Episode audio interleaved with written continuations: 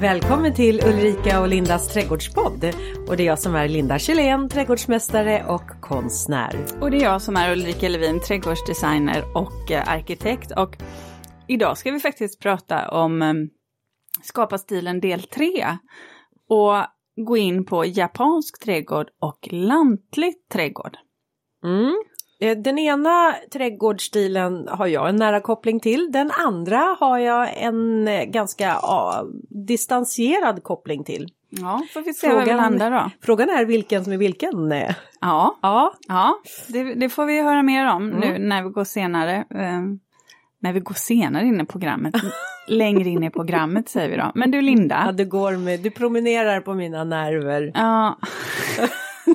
Den fattar jag inte riktigt heller. Jo, nej, jag förstår. Nej, ja, det är, ja, okej. Ja. vi. Okej, så här.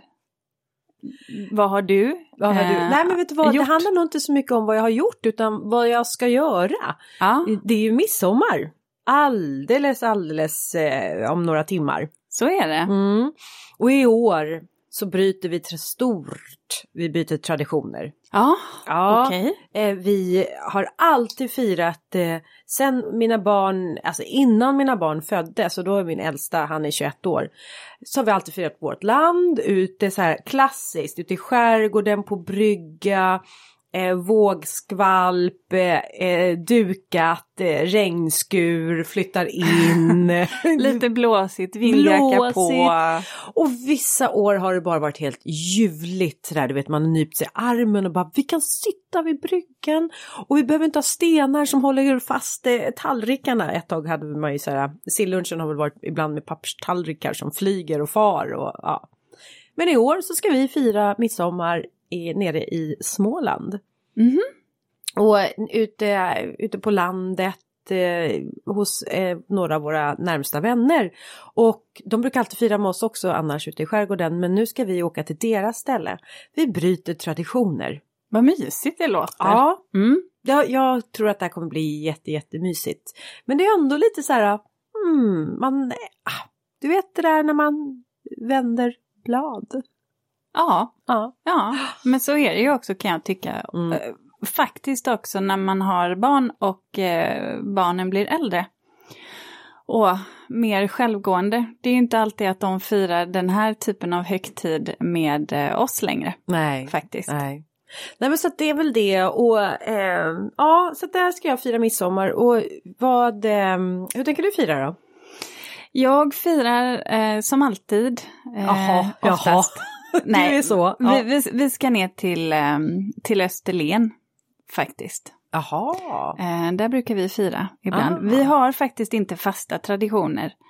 Eh, för vi firar lite överallt. Eh, beroende på om vi ska fira med föräldrar och syskon eller vänner. Men nu förstår jag, du är färdigvaccinerad Ja. så nu är det bara, nu, Nu. det nu kramkalaset kommer ske. Ja, det är det faktiskt. Det är precis så. Äntligen ska Mm. jag få hänga med eh, mina föräldrar och även min syster och hennes familj kommer. Så att det- det är väldigt, väldigt efterlängtat. Och sen har jag tack och lov mina stora barn då som, som vill fira med kompisar. Ja, då tar de vårt hus istället. Så då Ah, har jag och ju... du är en- växtvakt. Växtvakt, det är ju så himla smidigt. Mm. Eh, ja, eh, det finns en fördel med vuxna barn också, kära lyssnare. Definitivt.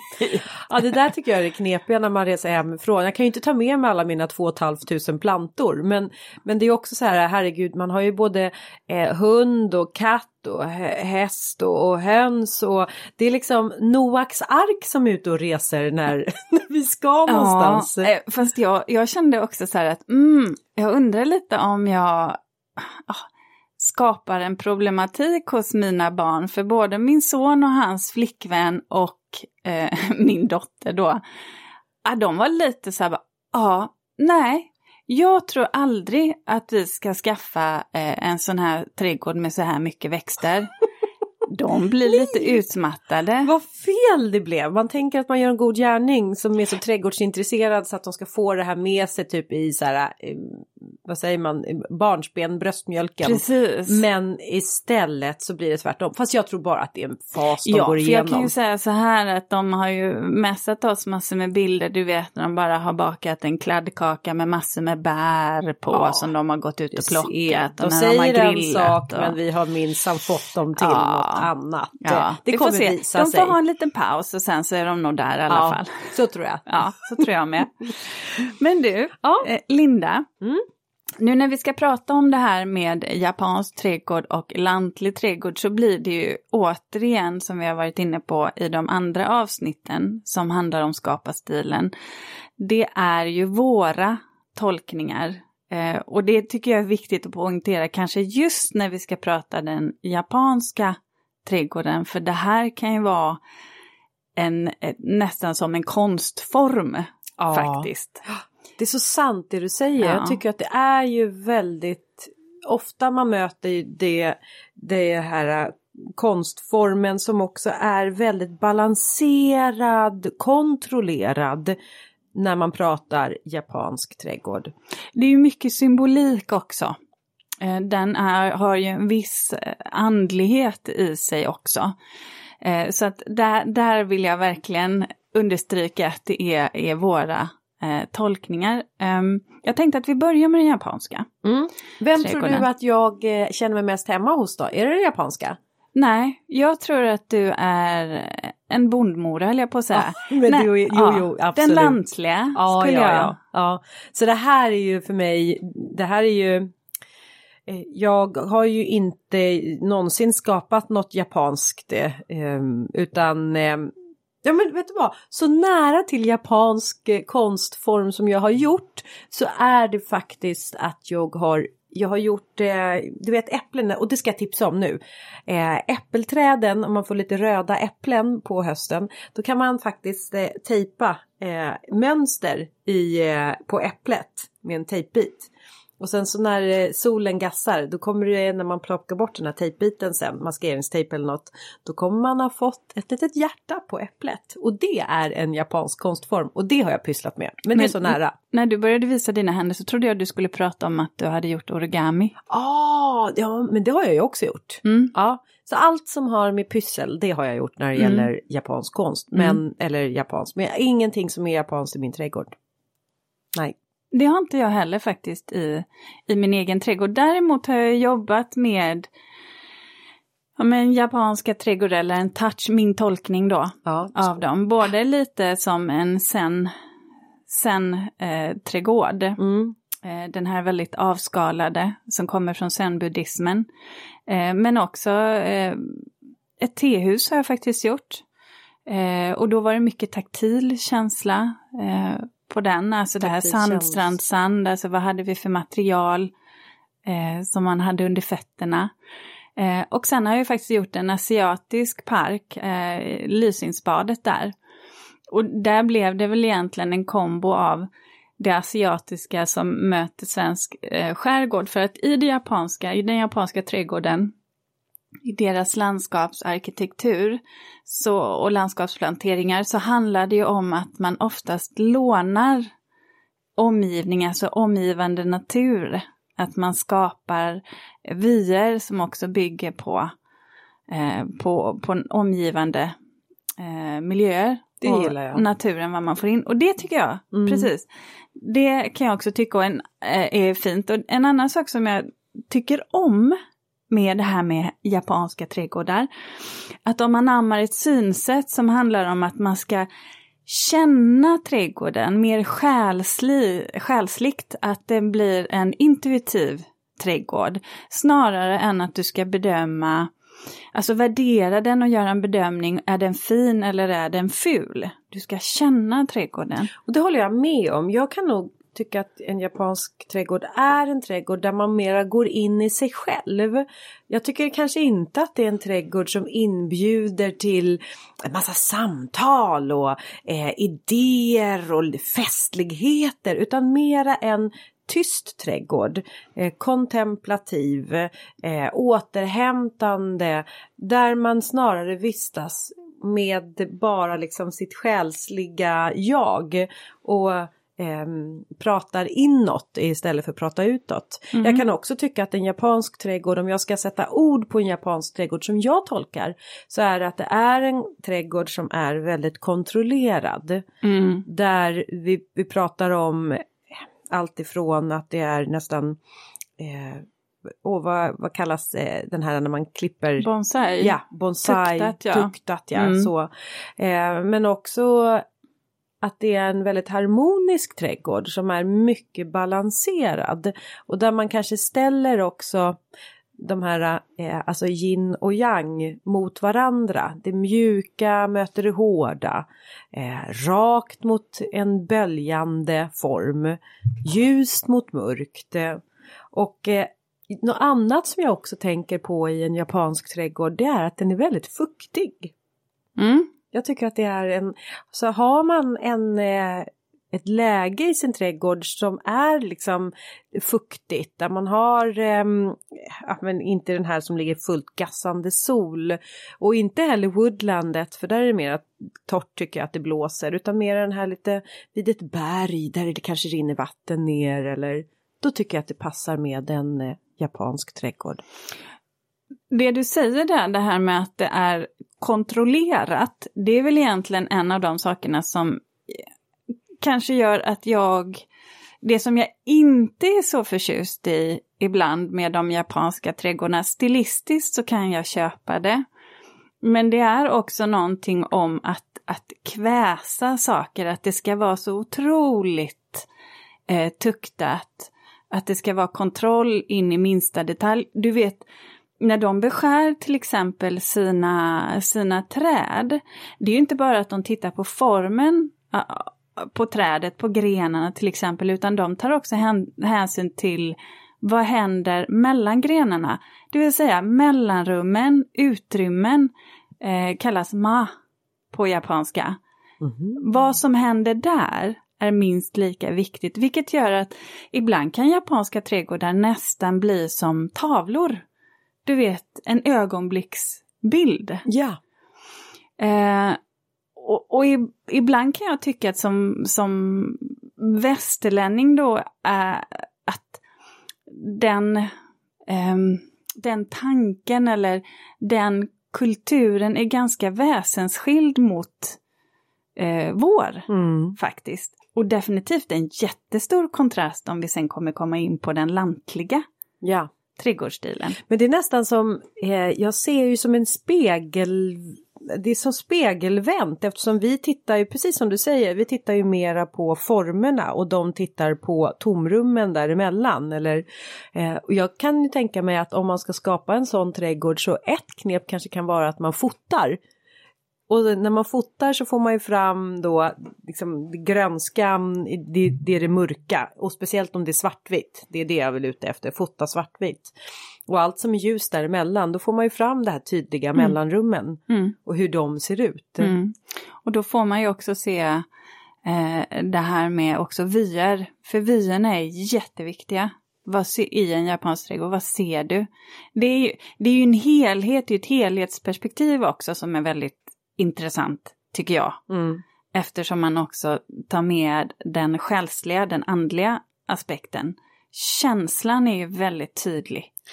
Är det i japanska trädgårdar som man ofta har så här äh, klingeling, alltså så här, äh, du vet så här bambu. Ja, jag vet. Ehm, det vet jag faktiskt inte, kan inte svara på. Nej. Jag vet ju att jag har sett det på bilder, men Mm. om det är typiskt japanskt, det vågar inte jag svara på. Nej, inte jag heller. Men om man tänker så här då, lite form och struktur, Linda. Mm. Om man skulle bygga en japansk eh, trädgård i, eh, i sin egen trädgård. Eller del. Det behöver ju inte vara en hel trädgård faktiskt. Nej. Jag kan ju tycka att det här beror ju lite på vilken del av trädgården man ska vara i. Om man ska knyta ihop en, eh, eh, en trädgård och en japansk trädgård som ska låna omgivande landskap. Det går ju bra när man kanske har då eh, en eh, natur. Ja men säg det här berget. eh, Ja, eller man har så att säga, bor du i en urban miljö där du har grannar kors och tvärs, då, då är det lite svårare att styra vyn faktiskt. Eh, och jobba med eh, omgivande miljö runt omkring. då kan jag ju tycka att eh, skärmväggar kan vara jättebra att jobba med och där kan man ju jobba också med eh, ja, men geometriska former, att man öppnar upp att kanske eh, gången in är rund genom ett plank till exempel, eller att du har fönster i dina väggar. Eh, du kan ju också jobba med ett, eh, någon typ av rutnät. Eh, det är ju också väldigt, väldigt effektfullt. Mm. Men jag, där tycker jag oftast att, att inramningen blir viktig om man ska jobba med det bara på en liten del. Man måste, återigen, där måste du kontrollera. Där måste du kontrollera dina avslut, du måste kontrollera dina gångar och du måste kontrollera dina vyer för att få allting att bli så här riktigt perfekt. Mm. Sen tänker jag också på element i en eh, japansk trädgård. Så när jag har varit och besökt, jag har, har en kompis eh, Uffe som eh, numera, han, han har inte kvar den trädgården, men han skapade en eh, eh, japansk trädgård i eh, liksom, sitt hus där han bodde i Sollentuna. Mm. Och det han hade där, jag tänker väldigt mycket på den trädgården och det var också att han hade en eh, grusad yta. Och sen var han ute så hade han gjort någon så här specialkratta. Och så var han ute och drog så här mönster ja. i den här grusade ytan, olika sådär. Eh, det där blev jag lite fascinerad av. Dels kan jag tänka mig att det var säkert ganska så här eh, skönt, meditativt, ja, meditativt mm. att få göra den här mönstren. Men det var också som jag funderade på, vad händer när katten kommer och går över? Mm. Blev han alldeles så här, åh nej nu förstör du. Och det här är ju, det är ju en del av senträdgården. Eller landa löv där ja. på, åh nej. Ja. Men där är det ju där har ju egentligen den typen av trädgård, när man har en zen-trädgård, det är ju egentligen, det handlar ju mer om det kontemplativa, det meditativa, det vill säga att det handlar om andning också. Du ska raka och andas in. Så att ah, det har andra, det, det, har en annan aspekt egentligen, en annan typ av trädgård. Det är därför den, just den delen av trädgården, eh, eller den typen av eh, det japanska eh, trädgårds... Eh, mm. Den japanska trädgårdsstilen, det är ju därför den är eh, så kal. Den kan ju ibland, kan jag uppleva den ibland som väldigt, väldigt eh, sparsmakad. Mm. Sen kan ju, ja, vi kommer in på material. Väldigt så här vördnadsfullt ja. Eh, är det, men att man jobbar med trädgården som en, verkligen som en läkande kraft, mm. tänker jag. Men, men också de här um, förutom att man då har de här grusade ytorna, men jag tänker också på att man kan bygga som spångar. Så är det ju. Ja, och sen så kan man ledas ner. Jag har varit och besökt eh, Ronneby brunnspark. Där mm. har de en japansk trädgård. Och då har de byggt just en eh, träs liksom brygga kan man säga. Mm. Och här är ju viktigt att det är böljande former på den här träbryggan. Men den leds ju inte ut i vatten men den leds ut i en eh, plantering utav olika sorters ormbunkar. Sådär, så går man då, då i den här mm. ormbunks, eh, också väldigt så grönt och mustigt, ja. fuktigt. Eh. Ja, precis. Eh, jag gjorde en gång, en gång, en gång. En gång? Eh, nej men det jag gjorde, mm, det jag gjorde som en, eh, ja, som en slingrande orm egentligen, men för att man då, jag drog gången på ett sådant sätt att du skulle egentligen inte kunna, kunna se vad som dolde sig bakom nästa kurva. Och längs med den här gången då så satte jag bambu, tjocka bamburör. Ja. Då, som blev, som formade sig efter det här. Eh, inte på båda sidor, men sådär så att när man kom i kurvan så kunde man inte se över till nästa. Det blev väldigt spännande och väldigt effektfullt. Och det här är ju också ganska typiskt för den japanska trädgården, framförallt om man pratar om att man ska ha en stig eller en gång in till ett tehus då är det ju så att då vill man dra ner på tempot. Ja. Så då är inte gången helt perfekt. Det kanske är trampsteg som är lite ojämna, som inte ligger i raka linjer, utan man måste koncentrera sig. koncentrera sig, för någonstans så ska man förbereda sig för att man ska gå in och sätta sig, ta det lite lugnare, dricka sin kopp te. Så att det är ju väldigt, väldigt eh, genomtänkt. Och det är väl det jag också kan tycka är lite spännande med det japanska. Och också att de här olika liksom, elementen trä, eld, jord och vatten finns med. Jag tänker på när det gäller trä då den här spången eller den här bron man går på. Men jag tänker också eld. Är det där som så rökelser kommer in? Mm. För jag vet, eh, eller i alla fall att det kommer upp rök ur så här vatten. Att det liksom, du vet det kommer, det finns, man kan göra sådana här vattenbad. Och så stiger det liksom upp så här rök. Det ser nästan ut som en sån här häxbrygd som man Mm. håller på och tillagar. Men kan det vara eldelementet som man vill få in där? Är inte det där bara en hittepå-grej eh, som man har skapat av andra anledningar? Nej, jag vet inte. Eller jag tänker mer att det är så här trollskog. Ja, troll, det... ja, trollmor där, sitter med kitteln. Ja, lite sådär. Aha, eh, det var inte alls japanskt då? Nej, jag tror inte det. Nähä. Men jag vet inte, Linda. Nej, inte jag. Våra lyssnare kanske vet mera. Men jag tänker, hur kommer man annars in med elden? Däremot är ju vatten väldigt Mm. viktigt. Eh, det finns ju alltid med i de japanska trädgårdarna, vare sig det är porlande vatten, ett litet vattenkar. Jag tänker på så här Fågelbad. stenklot som det så här sipprar ut vatten ja, igenom. bamburör, det kan ju Bamburöret, vara... ja. Dripp, det kan droppa.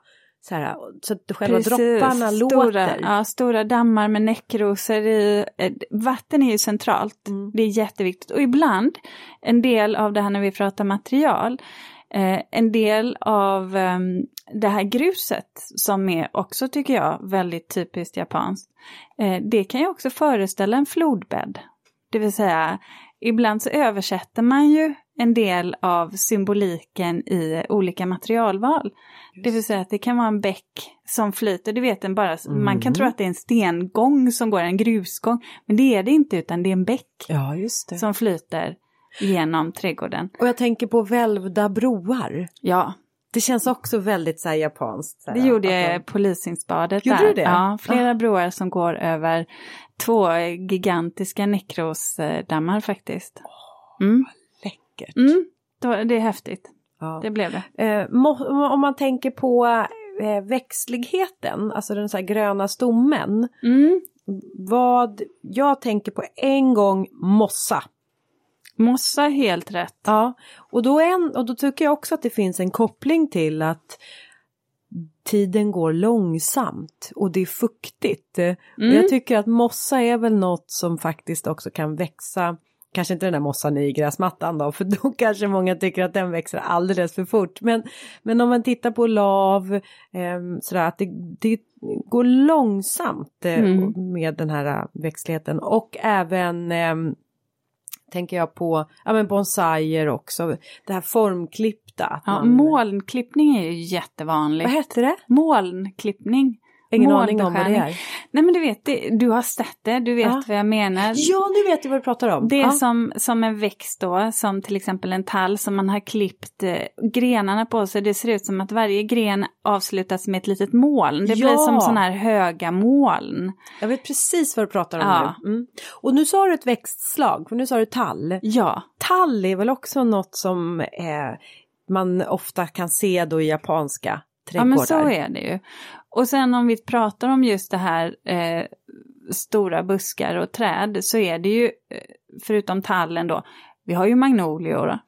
Vi har ju självklart de japanska körsbärna. Och de vill ju ha lite mer sol. Så att där är ju det här med att då blir det mer landskap. Mm. Jag tänker också på eh, som en marktäckare förutom mossa, eh, kotula heter den. Mm. Den ser ut som en mini mini miniatyr utav ormbunkar.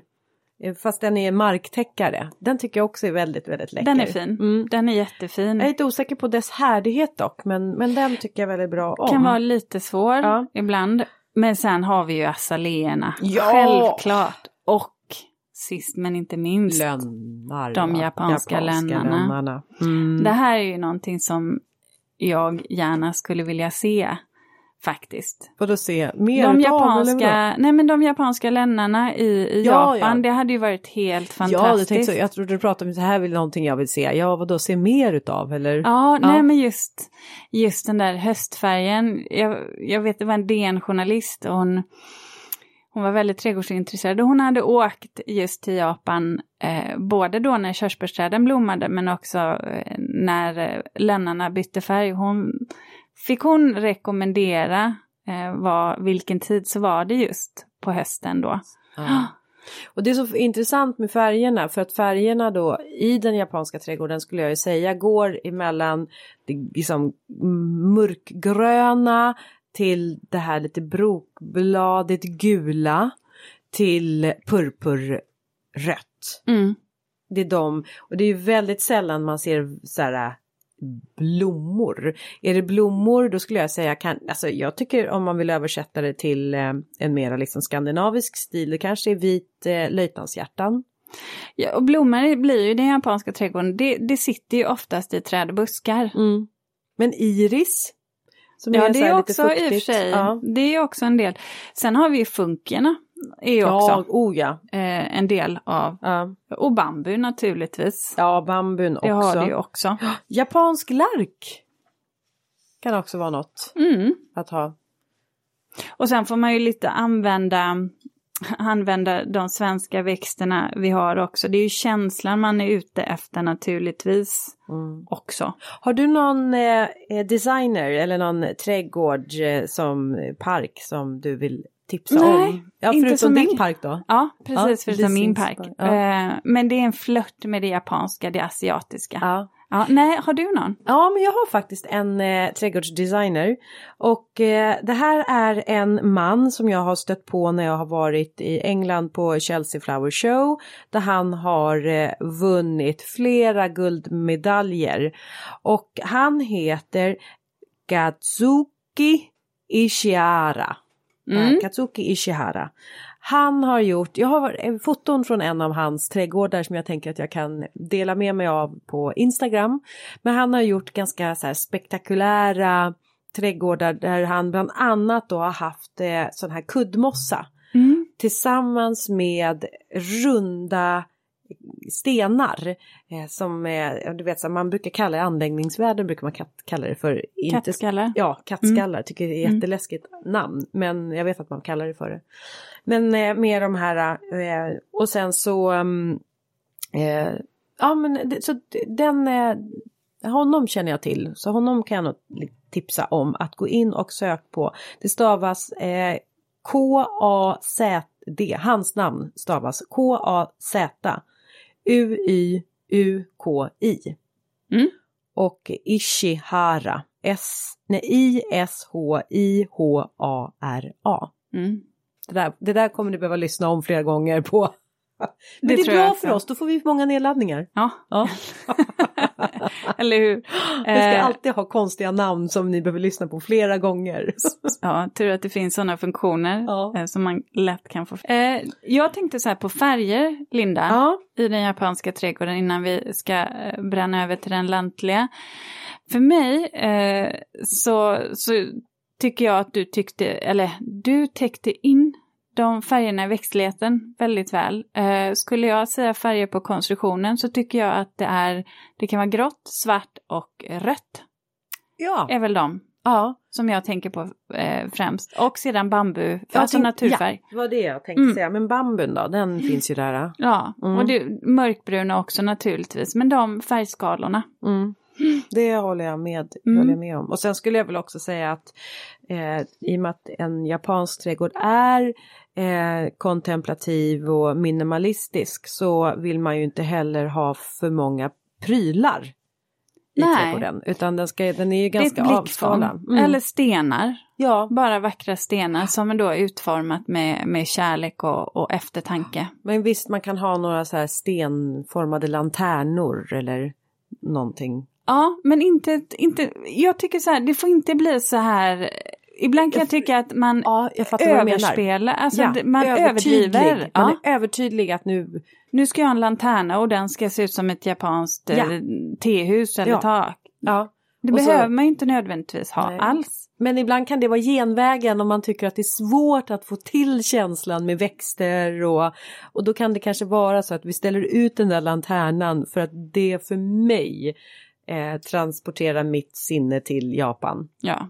en kan man väl leva med. En kan man leva med. ja. Ja. Ja, men, Men du, eh, men är det något jag inte kan leva utan så är det den lantliga trädgården. Jag måste säga att jag har ju en vurm för det också. Ja. Men kan inte du börja då Linda? Mm. Om vi tittar lite så här eh, form, definition. Alltså jag måste säga att jag tycker faktiskt att det här är den självklara trädgårdsstilen. Om det ens är en stil, för jag kan väl tycka att eh, den är så tidlös. Eh, den finns i, eh, i alla fall min liksom själ till det svenska landskapet. Hallå, vi pratar Bullerbyn och Astrid Lindgren. Alltså det är ju, för mig är det så här eh, lantligt. Men det här blir spännande också för Jaha. någonstans, nej men vet du vad, jag tänkte också på det här att eh, när maken och jag vi åkte ner här som jag berättade om för några avsnitt sen, alltså ner mot Linköping och det huset vi skulle titta på, det låg väldigt lantligt. Och, och då är man ju neråt Östergötland och jag sa ja ah, men här, jag känner mig som hemma i den här typen av landskap, lite kuperat, eh, öppna ängar men också mycket lövskog. Ehm, men då sa jag också, det här är ju typiskt lantligt för mig. Eh, men så kände jag också så här att, ja, det är ju för att jag någonstans har vuxit upp med det här. Jag tänkte på att jag är också, har ju också en del av västkusten eh, i min uppväxt. Det vill säga det kala, karga. Och så tänkte jag på, på norra Sverige. Där man har en hel, där man har mycket mer barrskog till exempel. Eh, så att det där blev ju lite intressant när man ändå skulle definiera det lantliga. Men det är mycket löv, skog, ängar, eller hur? Friväxande buskar, syrener. Öppna landskap. Ja. Tillåtande.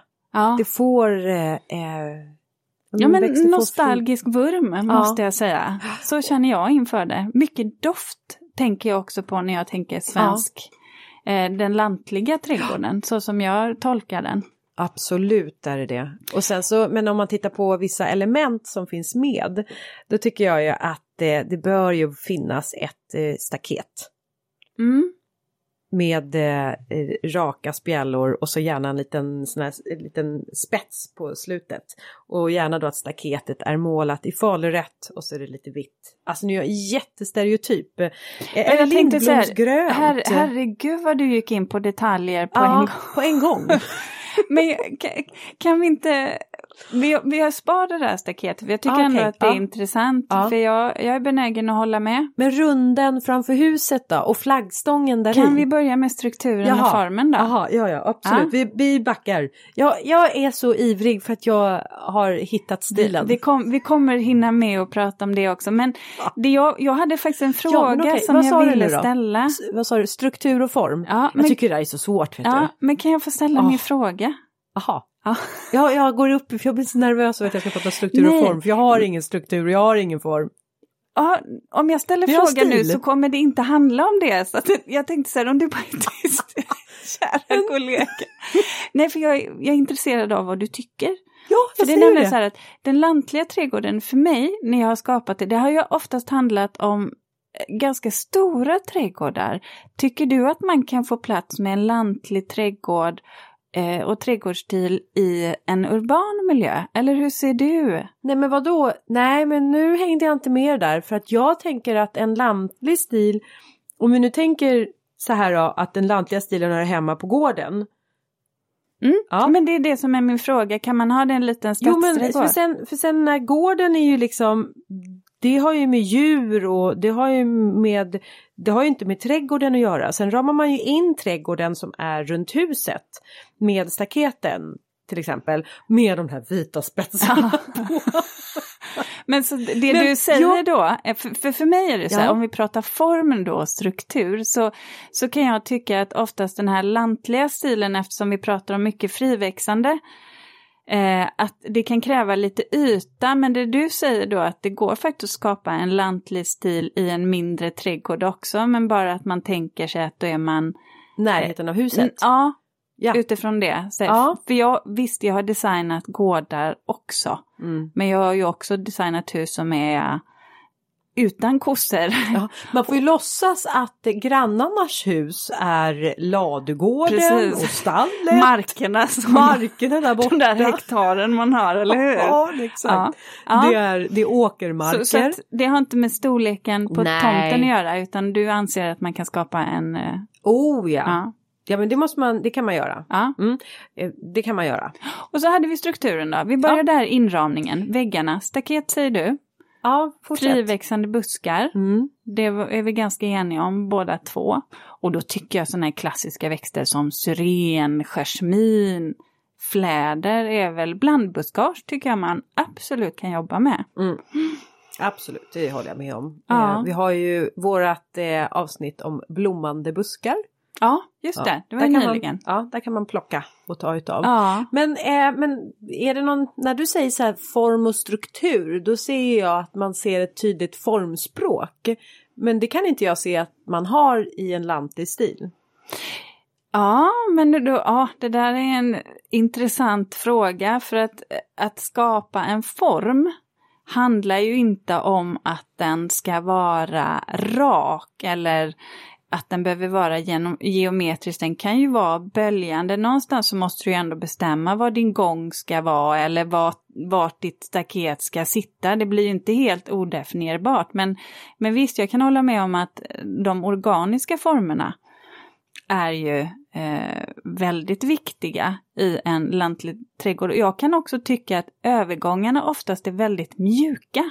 Ja. Även om de är planerade så kan de vara väldigt eh, ja, nästan osynliga, du vet som en grusgång som bara flyter över en gräsmatta. Jag upplever också att, att, eh, att jag, när jag jobbar med den här typen av trädgården att det är, det är mycket öppna ytor. Mm. Eh, och att man då snarare har uteplatserna lite mer ombonade. Ja, eller en uteplats då, det är borden och stolarna som står under äppelträden. De knotiga gamla Mm. äppelträden. Bara där- är ju Ja, aj, klockrent ja att ha det är det. det, är i en, det. i en äldre trädgård. Både friväxande men också, men också som eh, spaljer. Mm. Eh, och här kan jag faktiskt tipsa bara om det här med fruktträden, att lite som vi har varit inne på när vi har pratat träd på högstam. Det finns ju också äppleträd som har, och fruktträd som man har stammat upp så att man kallar det för halvs, på, träd på halvstam. Det innebär ju också då att man även i en liten trädgård faktiskt kan ha ett fruktträd eh, som inte låser hela ytan under trädet för då har man jobbat upp kronan, då odlarna jobbat upp kronan så att man ska kunna gå under det. Just Och det det. tycker jag är bra Mm. att tänka på, särskilt om man ska planera in ett eh, fruktträd i sin trädgård för att få en sån här lantlig stil.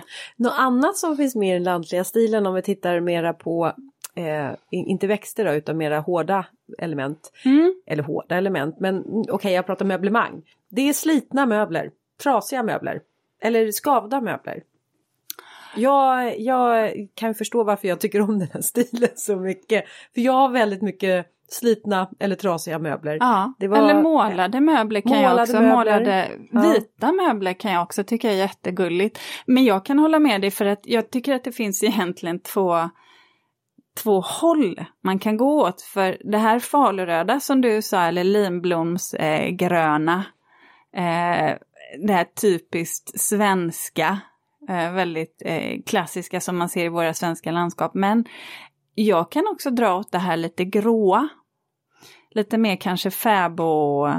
Ja, eh, okej, du tänker va- eh, järnvitrol. Ja, lite det här silvriga, korrugerad plåt. Då kanske man kommer lite högre upp i landet. Ja, korrugerad plåt, du vet lite armeringsjärn, zink, sådana saker. Och det jag kan tycka är lantliga trädgårdar, om vi ska prata konstruktioner, när du sa möbler så tänker jag också här om man ska göra en pergola eller något liknande. Man kan gå upp i volym, alltså du vet stolparna kan vara lite bredare, de kan vara 15 gånger 15 centimeter, det kan vara som timmerstockar snarare än sån här lite eh, finlir. Mm. Alltså det är lite, lite mer det där, det kan vara det här lite rustika också. Mm. Eh, det kan vara det här alltså lite nationalromantiska, som vi pratar om, Bullerby typ.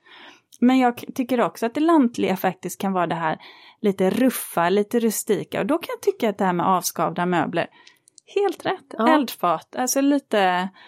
Jag Lite amerikansk veranda-stuk. Är inte det så New England? Då? Eh, om du går mot det här finligt, jag tänker mer ett slitet litet grått hus. Ja. Mm. Jag tycker om också färgsättningen i eh, de här gamla emalj liksom, eh, skålar och föremål från så här, Kockums. Mm. Du vet det gröna och det här eh, krämgula. Mm. Eh, också en väldigt fin färgskala. Ja. Och det här, nu- ja, unor tycker jag också är vackert. En hammock Mm, hammocken ja. ja. i en berså. Ja. Oh, ja. Varför inte? Men det får inte bli för mycket herrgård. Nej men det tror jag att det handlar ju om, om stilen och småskaligheten att göra. Ja. Alltså för där får man ju någonstans följa lite så att det passar sitt hus. Och då kan man väl tänka på det här med runden som du pratade om. Det är ju inte ett absolut måste och jag tänker har man en lite mindre trädgård så, så är ju det där någonting som är ganska utrymmeskrävande och ibland så gör man ju den där alldeles för liten. Det har jag märkt eh, på projekt där, där man har föreslagit en rundel eh, eller man har, har gjort den från början och sen så är den helt oproportionerlig till, till Huset. resten av huset. För huset då, just de gångerna har varit stora. Men det är bara för att man ska kunna svänga runt med bilen kanske. Ja, ehm, funkar kanske mer i slottsmiljö men ibland så, så blir den där runden lite för liten och då Mm. tycker jag faktiskt man kan strunta i det. Just det. Men överhuvudtaget tycker jag att det, det behöver inte vara så prydligt. Det kan få vara mera... Ja. Ja, och jag kan tycka också det här om man, om man drar en, en eh, jämförelse eller det vill säga ett motsatsförhållande till den japanska trädgården när vi pratar om att man ska dra ner på tempot. En lantlig trädgård är för mig väldigt förlåtande. Den inbjuder oftast till spring eftersom de här ytorna oftast flyter in och ur varandra på ett väldigt naturligt sätt. Mm. Alltså det, då kanske den inbjuder mer till de här sommar... Eh, festligheterna, släktträffen och dukar ute i Äppellunden och tänk dig den här eh, tavlan, eh, eh, Skagenmålarna, där de eh, sitter och skålar, är det Kröjer som har målat den, där de sitter och skålar i eh, blomma, under blommande syrener och äppelträd. Eh, Men där, ja, där undrar jag, vad, ty, vad tycker du då om materialval? För vi har ju pratat om grus här. Mm. Och det kan ju också vara makadam, det vill säga att när vi pratar grus då säger vi också att det kan vara krossat berg, makadam 4 till ja, 12. Mm. Kan jag tycka är en bra storlek. Eh, men för mig så är det också eh, gräs tycker jag är naturligt. Eh, vad Absolut. tycker du? Ja. jo, jo, det är ju en självklarhet skulle jag säga eh, med gräs. Då, och, ju- alltså asfalt går ju helt bort. Ja, det existerar ju inte. Nej. Det tycker jag sällan existerar Nej. egentligen i en privat trädgård om, om man inte redan har Men jag tycker en... även gatsten vet jag inte heller om det funkar. Nej, i så fall kanske i eh, mindre, mindre skala, alltså i som bågformar eller du vet om du Mm. behöver ha som avgränsning någonstans. Då kan man jobba med det som, ni vet, du vet som vi pratar om kantstål ibland, att man kan jobba med dubbla rader gatsten längs med gräsmattan för att eftersom de är så små så kan man ju alltid eh, följa väldigt mjuka former. Då kan det ju vara på sin plats, men inte... Jag tror nog mera i sådana fall på de där rundade stenarna som faktiskt jag pratade om i japanska trädgården, kattskallarna. Att man hellre har det och Svårare, lägger. ja. Men det, det Ja, mm. eh, nackdelen med det Och är ju, ja just Mm. det, om man har en robotgräsklippare eh, så kan ju, får du alltid en kant som du behöver gå och klippa. Men visst, det kan man jobba med. Eh, sen kan jag också tycka naturligtvis att eh, ja men alltså kalkstenen kan funka alldeles, alldeles ypperligt på, på uteplatserna eh, där också. Vad tycker du om träd då? eh, jo men när det gäller träd så, ja, vi har ju T- trä. Trä. Jaha. Trall. ja, träd tänkte jag, ja, får väl gå vidare med min växtlista här. Ja, men vi Men kommer du- dit. Ja, Ja. Eh, trätrall eh, känner inte jag att det är någonting som är tidstypiskt för den typen av trädgård. Men eh, däremot så är ju, jag tycker ju att det är sällan fel att ha en trätrall i direkt anslutning till huset. Håller med. Men eh, jag eh, skulle ju inte lägga den eh, längre ut från huset ensam. Det har vi pratat om, då bygger man ju en dansbana i sådana fall. Mm. Nej men där, jag, där håller jag helt med. Mm. Då skulle jag välja en annan typ av material. Mm. Trä på altanen eller verandan in vid huset men mm. sen skulle jag släppa trä. Ja. Oh, men jag tycker ändå att eh, trä är så, eh, det är så skönt att gå på när man kommer inifrån huset och går ut sådär. Men däremot då gäller det än en gång med den där inramningen med staketet. Vad man nu väljer för typ av staket på mm. eh, sin altan. Mm.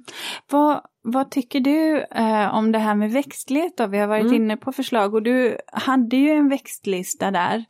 Men det som jag tycker och som jag vet också andra tycker, det handlar ju om det här med när det gäller växtslagen till den här torpar eller torpar, den här lantliga stilen så handlar det om växter som är ganska tåliga. För att det här är växter som har stått och förmodligen vuxit på platsen år efter år i decennier. Och det är det som har gjort dem till de här lantliga växterna, alltså alltifrån malvor till liksom, eh, frösådda aklejor och daggkåpa, prästkrage. Krollilja. Krolliljan ja.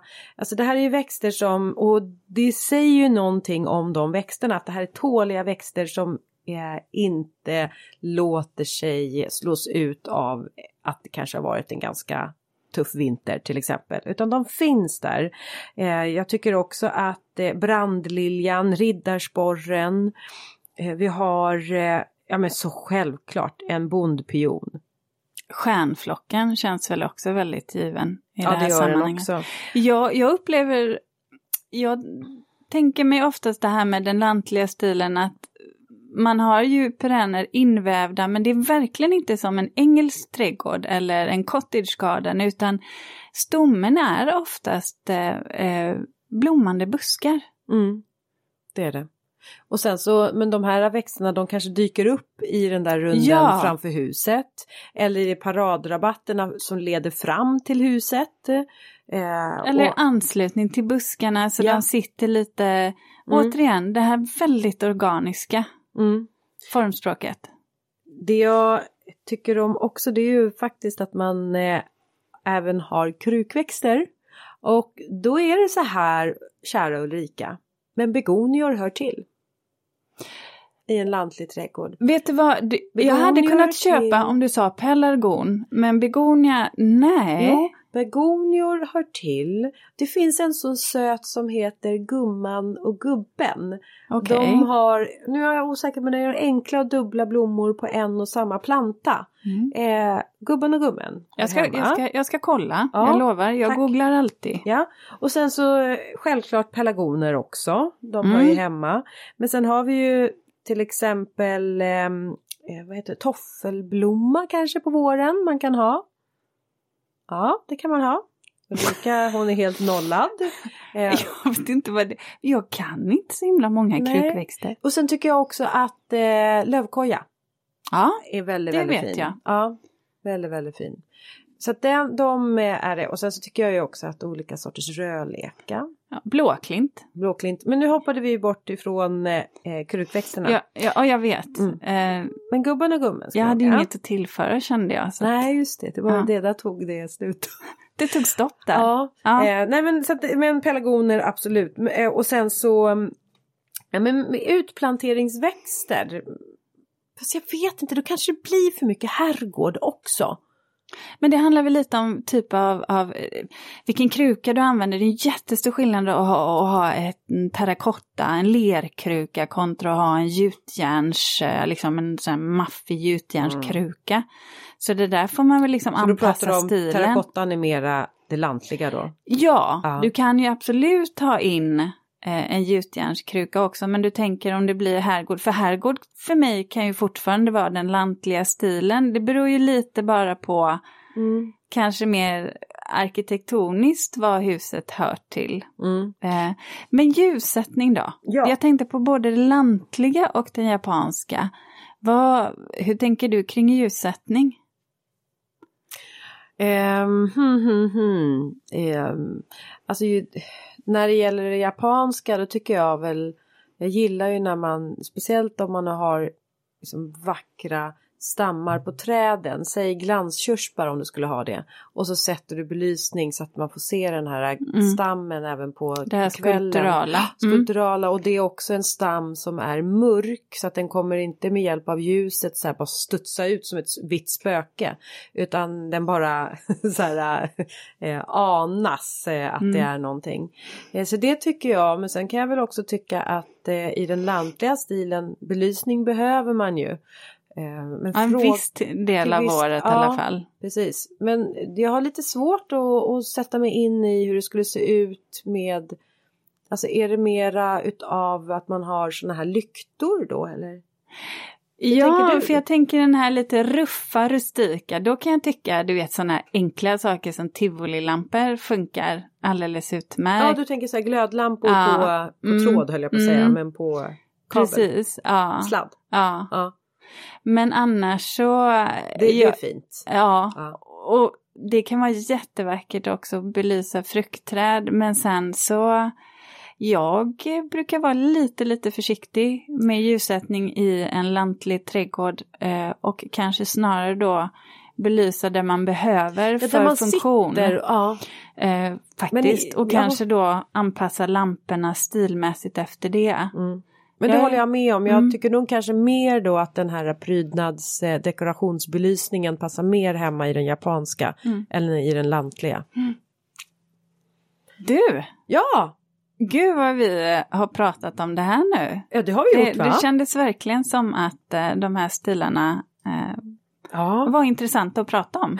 Men vi har också kommit på att vi måste hålla fler sådana här skapa stilen-teman för att Mm. vi har eh, Ja, ja, vi har kommit på två till. Så att det kommer faktiskt en del fil, fila. Ah, fila, det kommer det en fila Fila. alltså. Det Ja. kommer en del fira, men det pratar vi inte om nu. Nej, men gud, utan det vad du tar pratar vi göteborgska nu då. Ja. Jo, Jo, nej det var vad- finska. va? Ja. Ja. Men du, Jo eh, din reflektion för veckan är jag nyfiken på. Ah, vet du vad det är? Det här är den bästa säsongen och tiden att leva i just nu när allt bara är så här fortfarande krispigt och i full blom och det är lyckligt ute i naturen och eh, man behöver liksom, man, det är som att man lever och bor i en enda stor blomstrande bukett. Eh, Och då känner jag att eh, jag vill koppla an till ett eh, kinesiskt eh, eh, vad heter det, ordspråk. Ja. Och det handlar om det här hur lycklig man vill vara i sitt liv. Och då är det så här, vill man bli lycklig ett helt liv, då ska man bli trädgårdsmästare. Och, och vill man bara vara lycklig under sommaren då får man väl bara bli odlare, bara inom citationstecken bli odlare då. Men jag känner ändå att jag har valt rätt för jag är lycklig hela livet för jag är trädgårdsmästare. Yeah! Yeah. Yeah! Det Bara- kändes bara som att jag var tvungen att ta in det där. fakta. Ye- Yeah. yeah. Hård fakta. Och så gjorde jag den där, yeah yeah you! Det, det var en sån jättekontrast. Gå ner till Bronx där från Ja. liksom det japanska till... Yeah. Nej men alltså jag känner verkligen det. Att Badass Linda. Ja, Mm. världen, jag, jag täckte in alla kontinenter. Men kom ihåg det hörni, går ni och funderar på om ni vill bli lyckliga. Ja men det är faktiskt så här, bara sök, det är snart höst, sök in till en trädgårdsmästarutbildning. Mm. Ja, det var tyst, vi behövde smälta det här lite. Ja, jag bara, jag bara satt och funderade på, jag hakade upp mig vid att du sa att, att Yeah. man, nej, men det här med odling, du sa att om man bara blir lycklig av att odla där en sommar, så kände jag så här, jag vet inte om det stämmer. Nej det gör säkert inte det. Jag, jag tycker jag, återigen att det är mycket, Nej. mycket jag, jag, jag ska säga att jag härdar på. Och jag har, härdar jag härdar ut i alla fall då. av att odla. Jag, jag tycker inte alltid att det är Roligt. rogivande. Men jag tycker att det är lite, Jaha, det är mycket jobb också. men oj. Nej men jag, jag gläds också, men jag har också stunder där jag tycker att så här, mm, Mm. eh, Lärorikt. mm, för att jag tycker det är desto godare när jag får äta det jag har skördat. Ja, men nu tänker inte jag bara på odla ätbart. Nu tänker jag på odla. Odla. Jaha, trädgårds... Ja men då, I då måste jag säga, då njuter jag ja, verkligen ja, av nej, den här du vet, tiden. jag äter ju ingenting så att jag... jag Det gjorde du där. visst det. Du har ju sagt att du, du grillar ju fortfarande har jag hört. Jo, just Ja. det. Jag, Mm. håller, jag står ju och grillar, ja. Det Ja. gör jag faktiskt. Det gör Mm. jag. Ja. Jaha, men så det var min reflektion. Ja, ska du Eh, släppa in mig nu Ja, då? nu släpper jag in dig. Ja, tack. Nej men vet du vad? Mm. Jag har tänkt på återhämtning. Eh, för Det att, är nära nu. ja, och då hade jag ett samtal här eh, och då ojade jag mig lite återigen av att oh, jag har jobbat så mycket nu och tyckte väl att jag såg lite trött ut och ja men nu du vet det ska bli så skönt semester, återhämtning och så sa hon någonting som jag faktiskt har gått och tänkt på som kändes väldigt självklart när hon hade yppat orden. "Ja, Men du vet Ulrika, det där med återhämtning det är något som vi psykologer säger att man ska ha varje dag. Man ska inte vänta tills det är helg eller semester eller tills dess att du blir pensionär. Återhämtning, det ska du se till att få dagligen. Oj. Mm.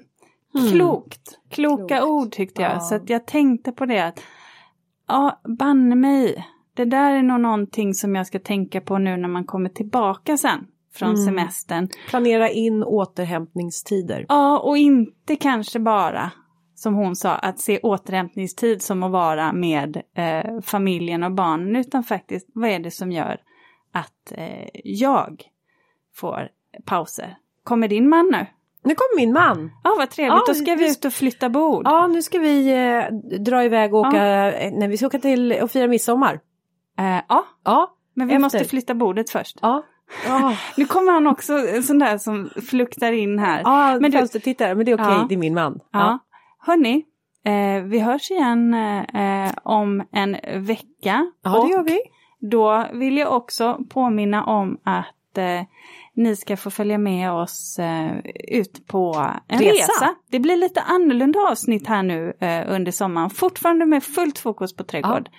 Men eh, ni ska få hänga på. Vi blir som era trädgårdskompisar nu under sommaren. Ja, det blir vi. Åh, Mm. det tycker vi om. Ja, Ja, det gör vi. vi hörs. Ja, det gör vi. Hej! Hej då på er!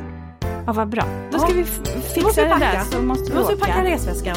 Ja, Ja. jag är redan packad Linda. Packad? Nej, inte så. Nej.